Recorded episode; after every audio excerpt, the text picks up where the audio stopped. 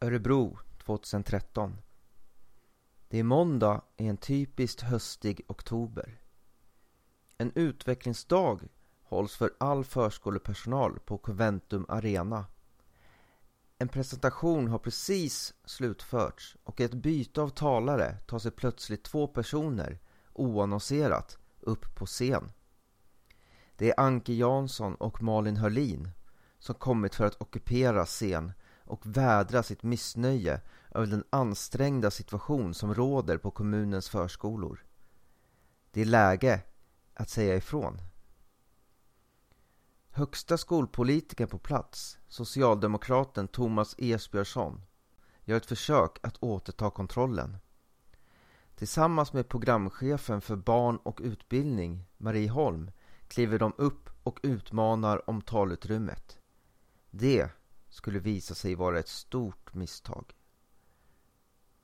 Istället för att få kontroll över situationen så börjas det applåderas i salen. Förskolepersonalen i arenan, de ställer sig upp. Ockupanterna har uppnått mer än vad de någonsin kunde föreställa sig. En stående ovation hålls i Conventum Arena. Och så var förskoleupproret fött.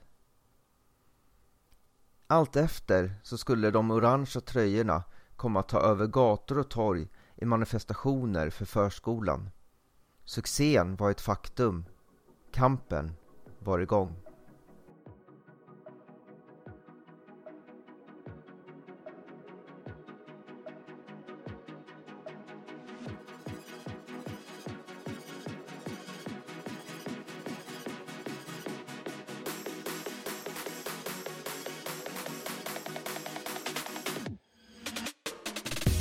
Du lyssnar på Välfärdspodden med Alexander Skytte och Linnea Lindqvist.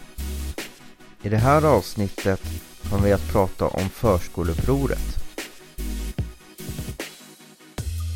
Hej Linnea! Hej Alex! Vi har ju haft en hel del uppror nu på senaste tiden. Det har ju varit allt ifrån det här, eh, vad är det, vi har ju sjukvårdsupproret som har blivit ganska stort nu på sista tiden. Sen har vi haft lärarupproret, fritidshemsupproret, SUV-upproret och allt möjligt. Så det finns ju ganska många. Precis, och det är väl ett tecken på hur illa det är ställt i välfärden. Ja. Att det är så många uppror. Att välfärdsmedarbetarna faktiskt organiserar sig. Ja, precis. Men det finns ju faktiskt något uppror som liksom var först, om man får säga så. Bland, de här grupp, bland den här grupperingen, så att säga. Precis, och det är förskoleupproret som har haft en enorm framgång i sitt... Eh, i, dels hur de har organiserat sig och det de har fått igenom. Ja, och där har vi ju med oss någon som eh, sitter i ledningen för förskoleupproret.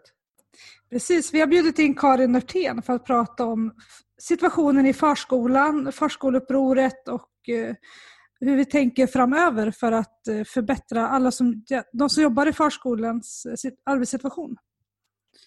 Ja, hej Karin! Hej, jag vill bara rätta mitt namn. Jag heter Katrin. Katrin, förlåt! Det börjar ja, det bra det här. Fara. Ja, det börjar bra. Det börjar med ett uppror. Ja. ja. Nej, det är ingen fara. Eh, jag är van. Jag har fått rätta mitt namn sedan jag var liten. Så att eh, det här Ja, då- är, hör till. Då så, då lär vi aldrig glömma bort Ja. igen i alla fall. Nej, det lär ni inte göra. ja, hejsan! Hej, kul, och, kul att du ville vara med. Ja, men tack och väldigt ärofyllt att få ta del av det här, eller få vara delaktig rättare sagt. Ja, det är självklart. Mm. Eller hur Linnea? Ja, det är jätteroligt. Med tanke på att det var med förskoleupproret som det startade. Annars hade inte, då, hade inte ni funnits tror inte jag att det hade varit läraruppror idag. Nej, eh, det kan nog ligga någonting i det. Och eh, det var ju Anki Jansson och Malin, Hed- nu måste jag tänka på ett namn här, Herlin tror jag hon heter, eh, som eh, i oktober 2013 klev upp på en scen och eh, helt enkelt haffade den. Eh, kuppade, som vi säger. eh, och på den banan är det. Det var två modiga förskollärare som sa ifrån i Örebro där. Det är ju rätt eh, fantastiskt egentligen att eh, våga Mm. bryta is sådär. Alltså, för det, det där är ju verkligen eh, alltså, edgy så att säga. Ja, Alltså det, det, det, är ju, det är ju våra förebilder för alla för att eh, det satte ju igång som ni har också sett och märkt och läst och, och eh, så hört en enorm rörelse från norr, eh, norra till södra Sverige och väst, från väst till öst. Så att eh, det, det har ju fått en enorm genomslagskraft. Och det betyder ju någonting. Det säger ju något om hur läget är. Och hur skulle du beskriva läget i förskolan? För vi läser i tidningar om stora barngrupper, höga sjukskrivningstal, det är brist på förskollärare. I vissa kommuner organiserar man ju om och flyttar på förskollärare för att man vill ha... Det finns inte förskollärare på alla förskolor. Då får man ju faktiskt inte bedriva undervisning om man inte har en lärare. Stämmer ju bra det. Och det är ju också en väldigt stor arbetsmiljöfråga att, eh, som vi har fått ta del av i vissa kommuner att eh, det blir sån osäkerhet och eh, stress över att man inte får jobba, jobba om man säger inom citationstecken, färdigt med det man håller på med utan man blir förflyttad. Eh, man vill ju gärna... Man, jag tror att många mår bra av att jobba med det arbetslag som man är van vid, i alla fall tills man själv kommer överens på något bra sätt att det är dags att flytta. Men att bli flyttad på mot sin vilja eh, och bara hipp som happ, det tror jag många, många upplever som väldigt, väldigt, väldigt jobbigt. Ja, det låter ju ganska hemskt faktiskt, om jag får säga det mm. själv. För det är ju den tryggheten, om jag tänker på min egen roll liksom, du, som lärare, det är ju det är den som gör så himla mycket. Alltså att man orkar med också. Ja, precis. Du har ju stöd i dina arbetskollegor. Så ska du var, varje år då lära känna nytt. Då, då, blir ju det en, då går du ju he, igenom hela gruppprocessen igen. Liksom. Ja, det, är, det är väldigt märkligt med ett yrke som är så socialt, alltså där det bygger ja. på relationer. Att då ja, hela tiden verkligen. behöva bygga nya, när man ändå bygger mm. nya med barn som man får och så. Som är en mm. naturlig mm. del i det. Men mm en del som jag ser varför förskoleupproret lyckats så bra, det är att jag tycker ni har hållit en väldigt, eh, alltså ni har hållit en, om man säger så, snäv inriktning. Ni har haft en mm. tydlig mm. inriktning hela tiden vad det här mm. det gäller. Det är förskolan mm. som det gäller. Ja. Um, håller du med om det eller finns det något mer som du ser varför det har gått så bra för förskoleupproret? Eh, nej, men vi pratar ofta om det där och eh, vi, vi, kan ju sinsemellan ibland glida ut eh, och, och, fundera och tänka och det tror jag att man behöver få göra. Men, men sen så är vi ganska snabba på att gå tillbaka inom våra ramar för att det är då vi blir spetsiga, det är då vi blir tydliga utåt. Vad är det för frågor vi driver? Jo, vi driver arbetsmiljöfrågor och vi driver frågor så att barn ska få det bättre och vi ska få en bra framtid. Eh, och barnen är vår framtid, förskolan är vår framtid. Så att det, det, är där vi måste börja och då måste vi också vara så pass snäva så att alla förstår vad det är för fråga vi driver. Och, då blir, det, och det är ju liksom förskolan. Inga, ja men precis, och det blir liksom inga konstigheter då om man, om man går med i förskoleupproret på Facebook. För det är väl er största mm. samlingsplattform? Oh ja, oh ja. Så om man, går, ja. om man går med där i gruppen, då man vet liksom direkt vad det är som gäller. Det är, liksom, det är tydligt, yes. det är det här vi snackar om. Och det är nog väldigt viktigt när man har en sån stor grupp och sånt stort ja. Eh, engagemang. Ja, och vi har ju också fått vara ganska eh, snäva, speciellt där under press, hashtag pressat läge som vi lanserade 2017, i slutet på 2017. Eh, då var det ju väldigt mycket ehm, eh, aggressioner och det är förståeligt för att alla är trötta. Det är, de, det är man ju fortfarande. Man, man undrar vad, vad är det de, man inte förstår och, och, så vidare. Så har vi lyckats samla och den här ilskan som fanns då, den kom ju ut i, i ska man våga säga, blurpar. alltså man började gå på eh, ganska kraftigt med personliga påhopp och sådana saker. Och, och, det har vi, det har vi liksom fått bort i gruppen med ett ihärdigt arbete med att hela tiden påminna om vilka frågor det är vi driver. Och det är, det är inte personligt utan det är politiskt. Och att vi måste hålla en rak linje. Och att de flesta hänger på. Eh, och det är faktiskt ett fantastiskt arbete som ligger bakom. För nu börjar vi få de gamla medlemmarna också att skjuta till och hjälpa till och, och, och, och liksom visa vägen för nya. Eh, och det är väldigt roligt i, i det hela tragiska. att ja, vi ens ska behöva finnas. Ja, det, det är ju så. Men, men det är häftigt det här med att man kan föda engagemanget vidare, liksom. Mm. Att, att, man för mm. det vidare. För det är ju så viktigt det där med att det kommer in mm. ny energi underifrån. För annars ja. blir det ju så lätt att man står där i samma fotsteg och trampar på. Det är mm. jätteviktigt, både mm. för de, alltså de som är kvar i organisationen så att säga och har varit med ett tag, att det kommer in nytt fräscht blod som man säger. Om jag får återkomma till frågan där, vad tänker du, vad tycker ni då är det största problemet i förskolan idag för förskollärare och barnskötare som arbetar i förskolan? Eh, det, det, är väl det som eh, Markus Larsson tycker jag trycker så väldigt bra på. Det, det är ju det här med balans mellan resurs och krav. Eh, och för stora barngrupper. Och det, där kommer ju, vi ska ha kvar kraven på våra, eh, vårt uppdrag, vilket i sig är ett väldigt fint och väl utarbetat uppdrag måste jag ändå säga. Men då krävs det också att vi får resurser att kunna genomföra det på ett adekvat sätt. Och med de stora barngrupper vi har idag så allt för många, jag ska inte säga att det är på 100% av förskolorna för det är ju givetvis inte, många goda exempel finns. Eh, men med, med, generellt sett så är det ju alldeles för stora barngrupper och hur ska vi kunna driva det här, eh, det här fina uppdraget vi har när vi har för många barn att se med två, med två ögon och två öron. Ehm, det är ju egentligen utopi att tro att man har eh, ett barn, barn på sju, mellan sju och tio barn per pedagog i, i värsta fall. Tio barn, kanske fler ibland. Det, det, hur ska du kunna undervisa i den åldern på ett vettigt sätt utan att själv gå sönder? För du vill ju ge varje barn ditt bästa. Precis. Och det, jag, vet, jag jobbade själv i förskolan, nu är det ungefär tio år sedan jag jobbade som lärare i förskolan. Men då, hade, då var vi tre heltider på 13, 13 barn. Och det liksom, finns ju knappt nu för tiden. Finns inte på Nej, många ställen. Nu är det ju väldigt, väldigt stora eh, barngrupper. Mm. Och då, jag har ju själv pratat om det en hel del eh, inom skolledarupproret också just det här om när resurserna minskar, då får man ju antingen skjuta till mer resurser eller sänka kraven.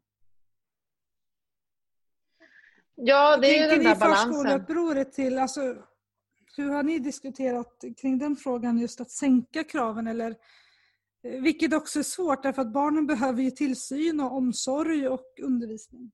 Det är lättare ja. kanske i skolan där man kan ta bort ämnen och göra på andra sätt. Det går ju inte i förskolan. Nej, och där står väl vi fast att vi vill inte sänka, vi vill inte sänka kvaliteten. Eh, det som jag sa förut, styrdokumenten som vi har i, i läroplanen till exempel, den är ju fantastisk. Eh, om vi bara kan få, få arbeta utifrån den på ett lugnt sätt så, kom, så kommer vi återfå världens bästa förskola. Eh, för att det, det är jättefina ord, jättefin teori. Men jag tror många känner inte att de klarar av att, att greja det. De kan ta brottstycken ur. Eh, och vissa dagar går det bättre, kanske till och med veckor och andra veckor så går det inte överhuvudtaget. Eh, och då får man lägga allt på paus. Mm. Nej, och det är ju, tänker jag, ett övermänskligt krav att tro att oavsett mm. om du är lärarutbildad eller inte, att du ska kunna ge 10, 8, 10 ganska små barn ofta. De är fortfarande mm. små när de är fem år och lämnar fem, mm. sex år.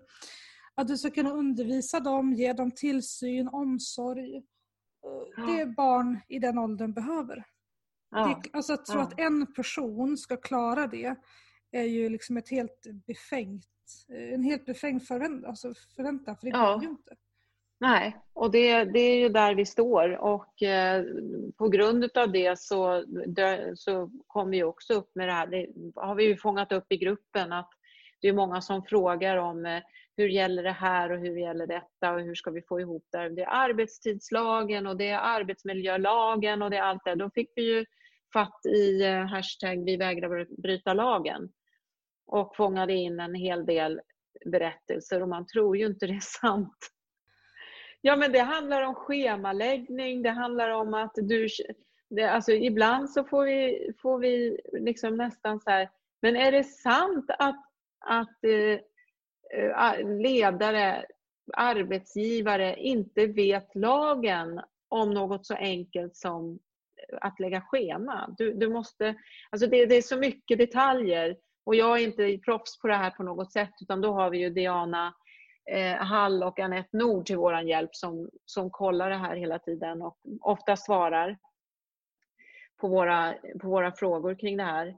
Men eh, det, det, är väldigt mycket, och det jag förstår det för att rektorerna har jag också, jag ska inte på något sätt skydda dem så, men jag vill ändå lägga en passus för att de, har ju, de sitter ju i samma båt som vi och då ska de ta till sig allt eh, som, och, och liksom driva det här med en väldigt, väldigt knapp resurs. Eh, en knapp budget. Så det är också befängt. Hur, hur, ska de kunna, hur, ska, hur ska man kunna tro som eh, politiker att en rektor ska kunna ro i land ett så stort uppdrag som förskolan ändå har med den ja, snäva ja, budgeten. Men där en, tänker jag, det jag tror att rektorer behöver göra mer, det är att faktiskt att returnera ja. arbetsmiljöansvaret. Och säga att jag har inte de resurser jag behöver för uppdraget så att jag kan mm. inte ta ansvar för verksamheten. Mm.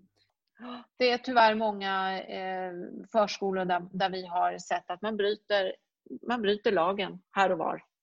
Nu har vi inte läst alla ännu, vi har inte hunnit sammanställa det, men det är det lilla vi har fått till oss, det är skrämmande läsning. Och då, och då blir det lite som att ni eh, till viss del så får ni agera liksom fack. Ja. Ni, ni tar ju väldigt mycket fackliga frågor då blir det ju. Det blir fackliga frågor och det är många som, och det är också lite, lite stort i det hela, eh, som, som liksom går ur sina fack för att man har ju förskoleupproret och det stämmer ju inte för att vi kan ju på inget vis hjälpa till juridiskt utan vi kan ju bara hänvisa till. Eh, så att, eh, och, och det, är, det känns ändå ganska mäktigt måste jag säga. Ja, men det, det är ju faktiskt stort och det, det, ja. jag vet ju att det är någon som har sagt så här, nej men jag har en egen jurist som jag går, går med ja. till eh, arbetsgivaren. Alltså det är ju i princip samma sak. Så ja. har man det här forumet som är väldigt kunnigt liksom, så det kan ju göra väldigt mycket. Men ni har inte funderat på att eh, dra det längre åt något sånt håll? Ni håller er vid nej. uppror, inte ett fack liksom? Vi håller oss till uppror. Eh, det, det, är så väldigt mycket till, som ska, eh, som ska eh, funka för att det ska kunna bli ett fack. Och vi håller oss till uppror och tror med den strategi som vi har, dialog och samtal och samarbete, har vi ju faktiskt kunnat driva oss ganska långt. Frågan är bara hur länge till det ska behövas för att politiker på riksnivå ska faktiskt förstå eh, att vi menar allvar och att det vi säger är en sanning eh, som de faktiskt måste titta på och kanske kliva ur sina ideologiska eh, tankar om hur en förskola ska vara eller vad det är och hur. För att hur man än bestämmer att en förskola om förskolans vara eller icke vara och för vilka så ska den ju fungera likadant över hela Sverige. oavsett ideologi. Eh, och, eh, och, och, och eh, där, där önskar jag bara att någon, någon politiker skulle våga kliva fram och säga Hörni, nu måste vi se förbi och se vad, vad det är som krasst behövs. För vi har fått, vi har fått verktyg från förskoleupproret och det har de verkligen fått. Och, och det finns ju liksom, alltså det finns ju ett väljarstöd. Det, må, det finns ett stort underlag på att mm. man vill ha det bra i för, för förskolan. Liksom. Så man har ju allt att vinna på att göra det, tänker jag. Verkligen. Men det, men det är väl verkligen det här med det du är inne på, det är uthållighet som gäller. Hur gör ni för att orka vara uthålliga? Alltså det här med att hålla lågan brinnande egentligen. Ja du Alex, hur gör vi? Ibland undrar vi faktiskt själva. Den här våren som vi har haft också, eh, då kommer vi osökt in på den den har ju faktiskt nästan fått oss att brisera. Ehm, det, det, den har ju lagt ytterligare en börda på oss. Eh, och många som i medlemmar som har eh, brustit och inte orkar och funderar på hur, hur ska vi kunna klara det här. Där man inte heller fått stöd och hjälp ifrån eh, varken rektor eller arbetsgivare utan det är liksom, man har gått vårdnadshavares vägar.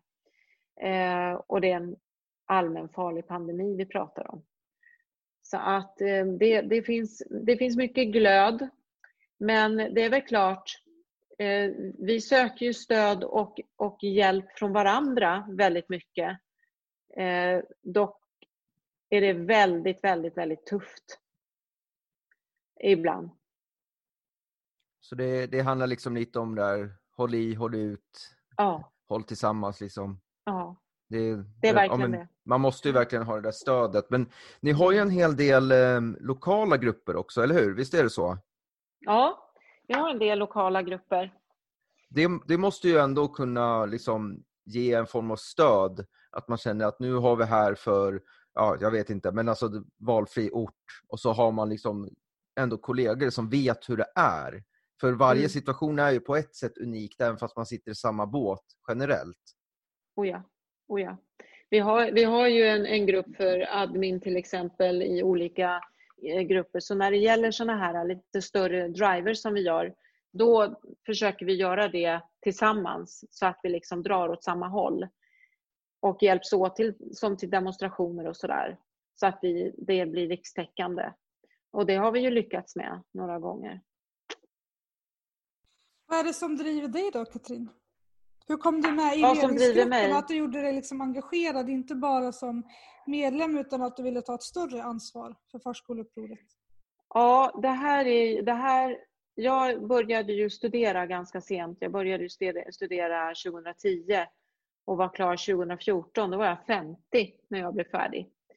Eh, och det som har drivit mig det är ju hela tiden att barn barn i Sverige ska ha det bra på förskolan. Barn, jag har velat, speciellt barn med behov, i behov av särskilt stöd, har jag sett hur de på något vis aldrig riktigt får det de behöver trots att man vänder ut och in på sig på förskolor. Då, det, var ett, det var en grej. Och sen så eh, höll jag ett tal, eller vad man ska säga, där jag liksom bara berättade att jag vill göra någonting mer. Jag vill starta en förskola för jag vill hjälpa barn jag vill finnas där barn är. Men så när, när jag fick höra talas om förskoleupproret 2013, då satt jag faktiskt i en lektionssal. Så gick det tisseltassel och sa nu kliver de upp på scenen. Och det var liksom ett så här rysningsögonblick. Och sen så hörde inte jag så mycket mer om det, men strax efter så förstod jag att det hade blivit en, eh, eh, en, en grupp då på Facebook. Så att då gick vi väl ner, eller strax efter kanske det var 2014, jag kommer inte ihåg åren här nu. Men sen 2016 så hade det här liksom vuxit så i mig så att eh, då vid något tillfälle så träffade jag på Annika Jerking. Och hon frågade mig om jag ville vara med i eh, förskoleupproret och som i ledningsgruppen. Och sen dess är jag kvar. Så jag har varit där nu i fyra år. Eh, och den glöden som jag har den drivs av att jag vill att barnen ska få det bra och man ska känna när de lämnar förskolan så ska de vara förberedda för skolan. Eh, de ska vara självständiga individer som känner att yes, jag kan ta mig an Goliat. För att citera eh, Lale, Lale lite grann. Ehm, Ehm, och det, och, och det är där jag har mitt engagemang. Och för att barnen ska få det bra så måste vi vuxna ha det bra. Det är ungefär som när du sitter på, på ett flygplan. Då om syret trillar ner så ska du ta syre först för att kunna hjälpa din medpassagerare. Um, ja, det är väl det som driver mig. Hur tycker du att det har förändrats under de åren som du har jobbat i förskolan? Från när du började tills idag? Um, just i förskolan? Ja, jag började ju faktiskt när det var redan ganska stora barngrupper. Eh, så att e-, egentligen så är min erfarenhet från förskolan att det är stora barngrupper. det, det är vad jag har med och jag har ju länge förstått att det här är inte bra. Eh, jag har ju sett, jag har sett kollegor gå i däck. Jag har sett barn bara fullständigt tappade för att det inte finns en vuxen i närheten. Ehm, så att jag har sett den biten. Jag har inte sett så jättemycket av det här goda som, goda som fanns mer än för mina egna barn. och då som förälder.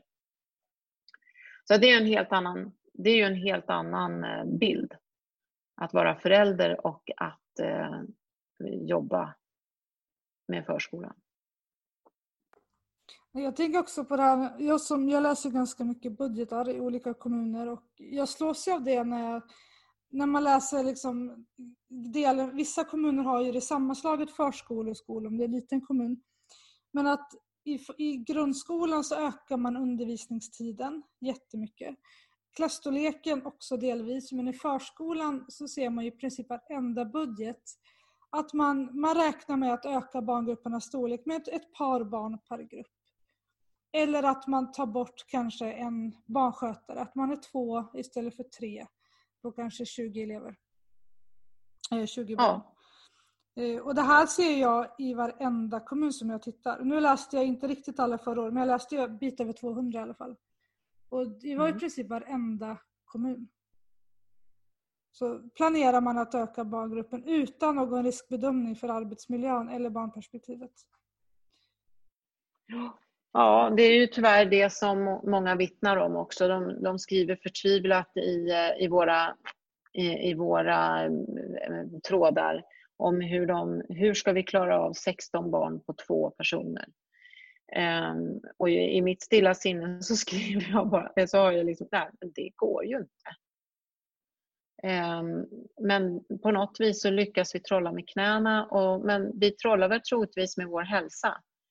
Det är väl där det hela till slut brister. Att ja, men okej, två till då. Ja, men okej, två till då.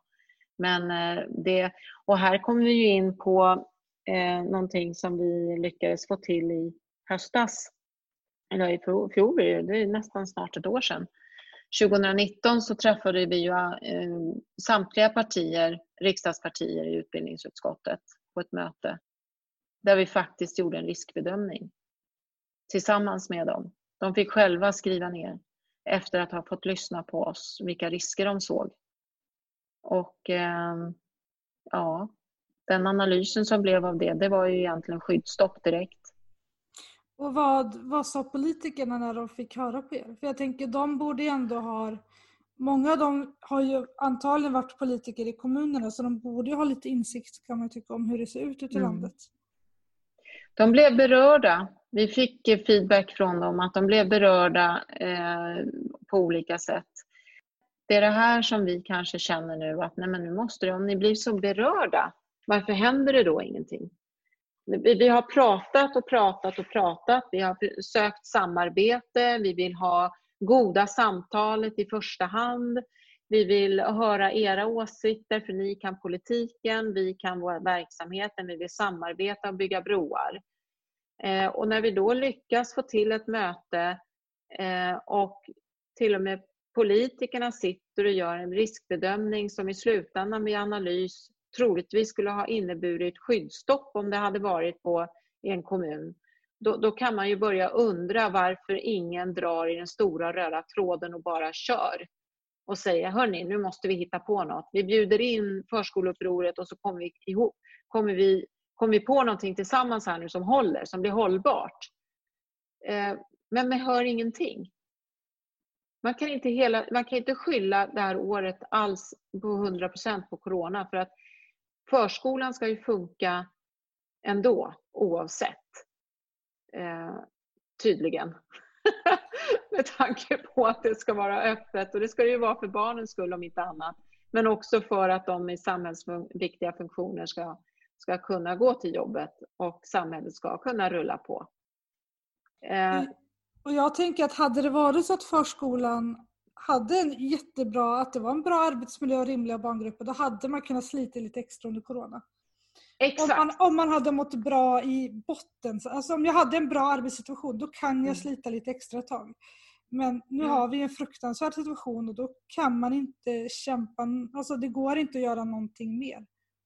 Nej, och då, då tappar man ju kvaliteten, tänker jag eller undervisningen eller omsorgen. För då orkar inte alltihopa. Du orkar inte hålla alla bollar i luften och, och tänka riskbedömning, tänka eh, risker för sin egen skull, risker för andra, risker för kollega, hålla avstånd, eh, vara lite polis på gården när barnen lämnas eller hämtas.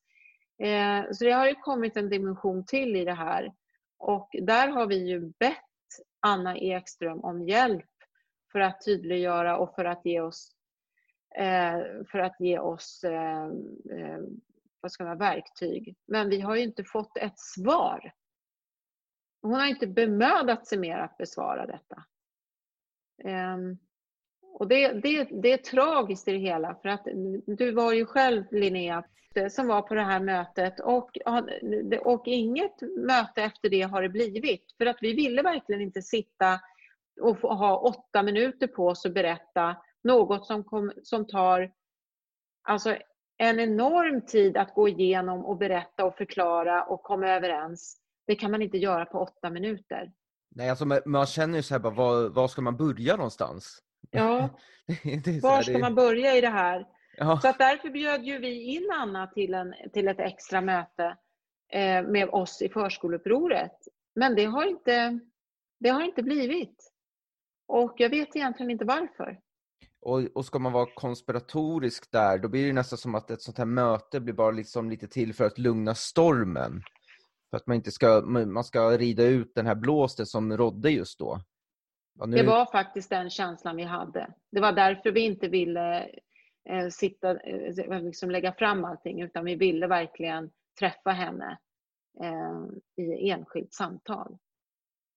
För det var ju precis efter lärarmarschen som hon ja. bjöd in. Det var ju bara några veckor mm. efter. Mm. Det var inte lärarmarschen i maj, slutet på maj va? Och sen var det sommar och semester och så träffade vi henne i ja. början på oktober. Så det var ju ganska ja. precis efteråt. Mm. Precis. Jo, nej, så att vi... Ja, nej, fortsätt. Förlåt? Ja. Nej, Nej vi, alltså, vi vill ju fortsätta på det spåret. Vi, vi ska ha ett nytt möte nu med utbildningsutskottet den 30 september Eh, och då ska vi jobba vidare med, med det som vi, som vi hade för avsikt att jobba med i våras då, men sköt på på grund av rådande omständigheter.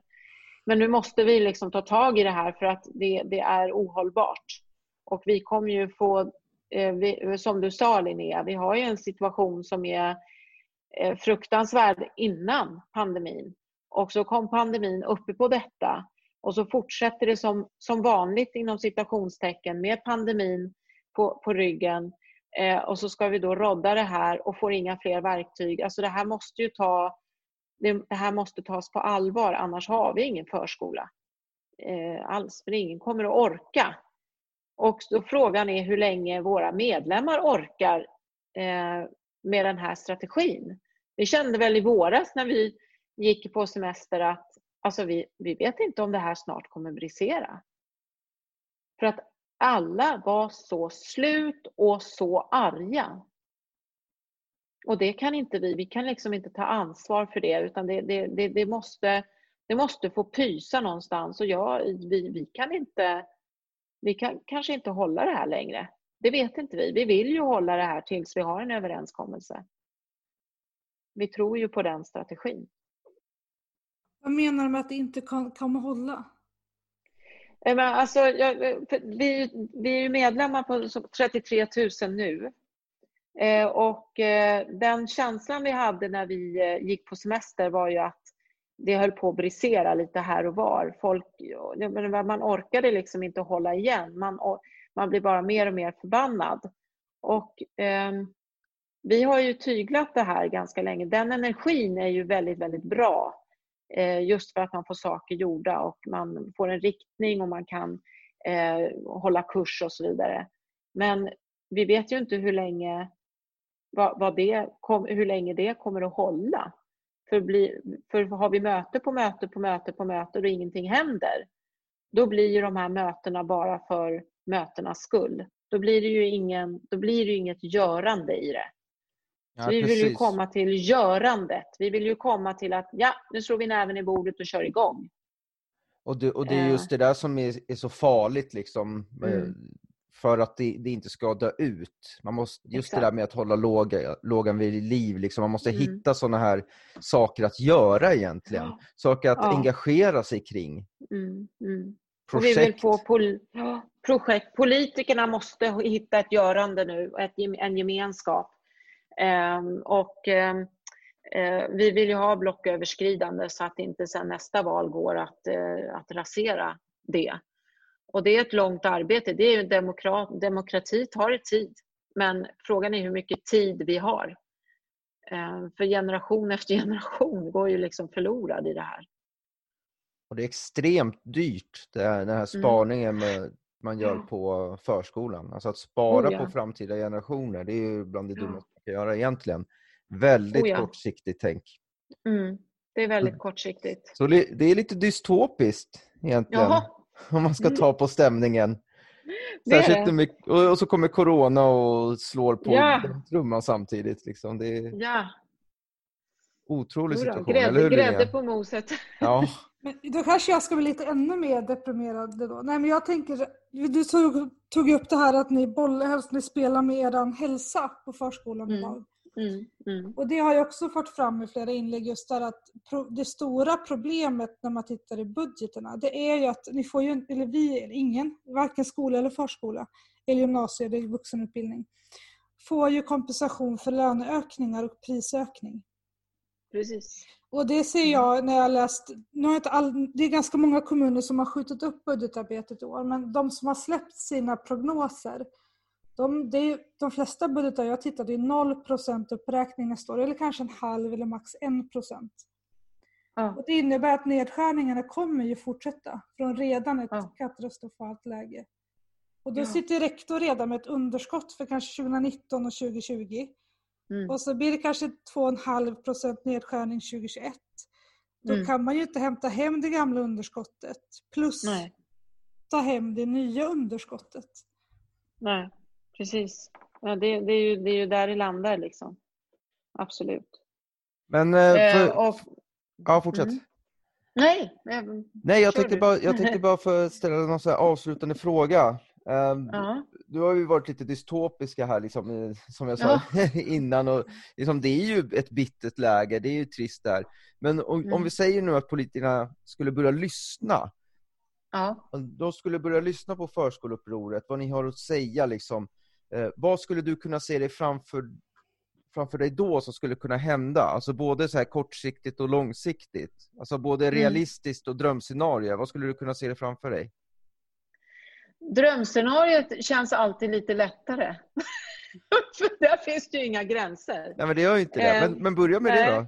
Ja, börja med det.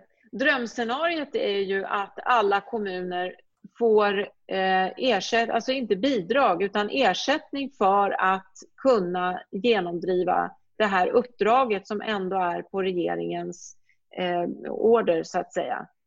Eh, och att då att de får resurser att minska barngrupper på allvar. Eh, och att lärarutbildningen blir mer attraktiv. Eller snarare så här att eh, i, det, i, i det så bor, i och med att förskolan då får resurser så blir ju också yrket mer attraktivt. Och eh, då borde det kunna generera i fler som vill utbilda sig till både barnskötare och förskollärare. För vi vill ju ha utbildade, utbildad personal naturligtvis. Um, och då skulle det vara, då skulle det vara riktlinjer, eller vad jag säger, barngrupper enligt Skolverkets eh, rekommendationer och riktlinjer. Och det har vi ju lärt oss nu, vad en rekommendation från en myndighet är. Det är ju ska. Ja, det är ju precis. så nära en lag man kan komma. Så att det här måste vi också trycka mer på, att Skolverket säger att det är en myndighet. Det ska, att, att de rekommenderar ett visst antal barn i vissa åldrar i grupperna. Så att det, det är ju drömscenariet och att det finns kompetensutveckling och att man eh, resurs för barnen, alltså he, alla, hela vår kravlista naturligtvis. Eh, resurs för barn eh, som är i behov av särskilt stöd ordentligt med resurs så att det verkligen finns en, eh, en resurs där man kan stödja barnen. Eh, och att man får vikarier från första dagen från sjuk, då, eh, om man är sjuk och att vet, allt det här som vi så gärna vill. Det är ju naturligtvis det där drömscenariet. Alltså i min uh, värld låter det vara realistiskt om jag ska vara ärlig. Ja, Alltså ska man, vara ja, ska man vara realistisk så, så är ju det naturligtvis eh, det som vi behöver. Så. Eh, för att det ska bli en bra förskola. Men om man tittar kortsiktigt så tror jag inte så snabbt. Men däremot på lång sikt så kan ju det gott och väl vara någonting som vi, kan, som vi, kommer, att, som vi kommer att få eh, realistiskt sett. Men drömscenariet är ju att det kommer imorgon. Ja, ja, jo, alltså väldigt, ja. väldigt snabbt. Väldigt ja, snabbt. Ja, så egentligen så. skillnaden mellan liksom, det, det är något som drömscenario och mm. realistiskt, det, det, är väl mm. tidsaspekten då i sådana fall? Det är tidsaspekten, ja exakt. Du satte nog ord på det. Ja. Ja, För allting låter ju oerhört rimligt och det tror jag de flesta som mm. lyssnar på det här också skulle känna liksom, nej men det här är ju rimliga saker. Det är liksom ja. extremt orimligt att det inte är så. Men Linnea, ja. vad tycker du om eh, fackförbunden då? Vad borde, vad borde de göra? Nej, men jag, jag tänkte på det när Katrin sa det här att, att man ser att man går ur facket för att man är med i förskoleupproret och man eh, när man ställer frågor om juridiska saker, lagar och så vidare. Och det jag tänker, det jag brukar kritisera mitt fackförbund Lärarförbundet för ganska mycket, det är just det att jag tänker att facket måste börja prata om hur vi styr förskolan och skolan. Alltså man, måste börja, man måste börja berätta för sina medlemmar varför man får mer att göra. Man måste berätta alltså hur, hur budgetar är skrivna till exempel. Att vi har en marknadsstyrning av skolan. Jag läste till exempel delårsrapporter från Gotland där det står klart och tydligt att man får ökade effektiviseringskrav på en och en halv miljon för att en fristående förskola etableras i Visby. Och då, det innebär att man drar ner flera tjänster på, på den kommunala förskolan, vilket leder till högre arbetsbelastning. Och då, då här behöver facken prata lokalt och centralt mycket mer om, tänker jag. Alltså, hur man... det kommer sig att, att vi får mer att göra, hur det kommer sig att att vi får, visst vi får lite högre lön men vi får också färre kollegor, större barngrupper, mer undervisningstid. Ja, alltså här måste mm. man börja plocka upp bollen känner jag och eh, jag tycker man borde nyttja de upproren som finns och framförallt förskoleupproret då, då att verkligen nyttja den kraft som finns där och den irritation. För alltså mig vetligen så har ju facken ändå en, facket har en väldigt bra struktur eh, som man mm. faktiskt kan använda sig av. Um, så samverka, det är det som behövs. Det hade jag önskat om det är så fackliga representativa här, alltså samverka med de här upproren, för man vill ju samma sak. Precis, vi har också vi har pratat om det många gånger och Johanna Göra Åstrand har ju också vid några tillfällen eh, stöttat oss och, eh, ja inte bara hon utan Lärarförbundet. Eh, och vi har samarbetat i vissa tillfällen. Men visst skulle vi kunna visst skulle vi kunna ha ett bättre och större samarbete. Absolut. Det skulle bli mer kraft i det. Eh, vi hänvisar ju också medlemmar som har gått ur att gå, gå med igen för att det är ju där vi får kraften rent lagligt. Eh, vi, kan, vi kan påverka som ett uppror och ha, få till samtal med, med, med politiker men sen behöver det ändå förhandlas fackligt. Och jag tänker också att facken har ju, de har ju mycket resurser, så är det ju. För de, mm. alltså Lärarförbundet har ju flera hundratusen medlemmar. Och mm. de har ju infrastrukturen, de har ju liksom allting på plats. Och då tänker jag, hade de satt sig in i liksom hur vi styr skolan, hur jag gjort det sedan, sedan 90-talets reformer. Och om man hade kanske börjat läsa kommunala budgetar och liksom servat lokalavdelningarna med budgetanalyser med faktiska siffror så hade man ju fått en otrolig kraft när, när fler börjar förstå varför vi har så otroligt dålig arbetsmiljö. För det handlar om hur vi styr skolan och förskolan. Och problemet är att staten ställer kravet och kommunerna ska ge resurserna. Och där är ett glapp. Det blir en väldigt stor obalans. Det är precis det glappet som vi i Förskoleupproret eh, pratar väldigt mycket om. Och det är därför vi också vill ha eh, regeringen, eller riksdagen ska man säga, med på, på noterna. För att det är ändå de som styr hur det ska vara. Men då måste de också tillsätta resurser till kommunerna, även om det är kommunstyrt. Så att någonstans måste pengar till för att kommunerna ska kunna eh, driva den verksamhet som regeringen eh, kräver.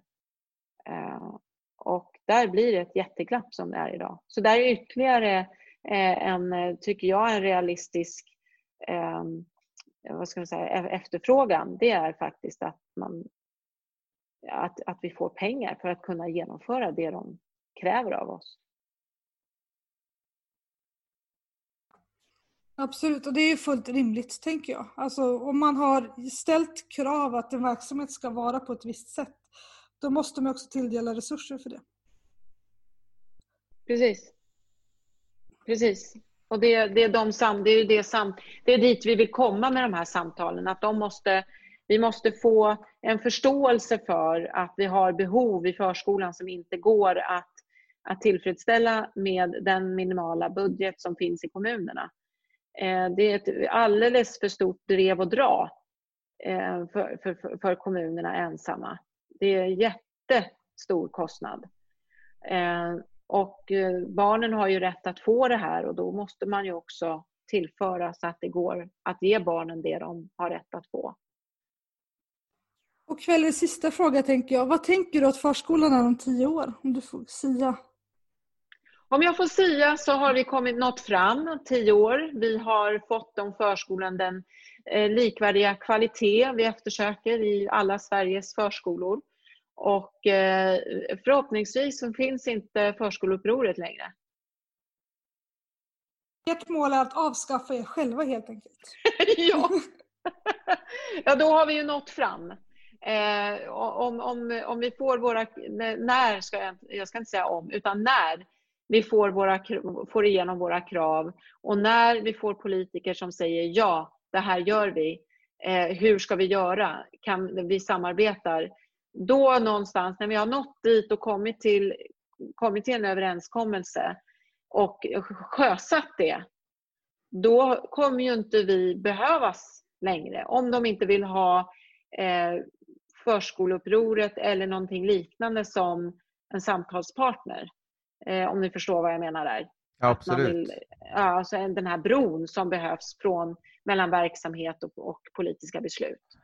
Alltså, och då eh. ska ni äntligen få jobba liksom med, med det ni vill.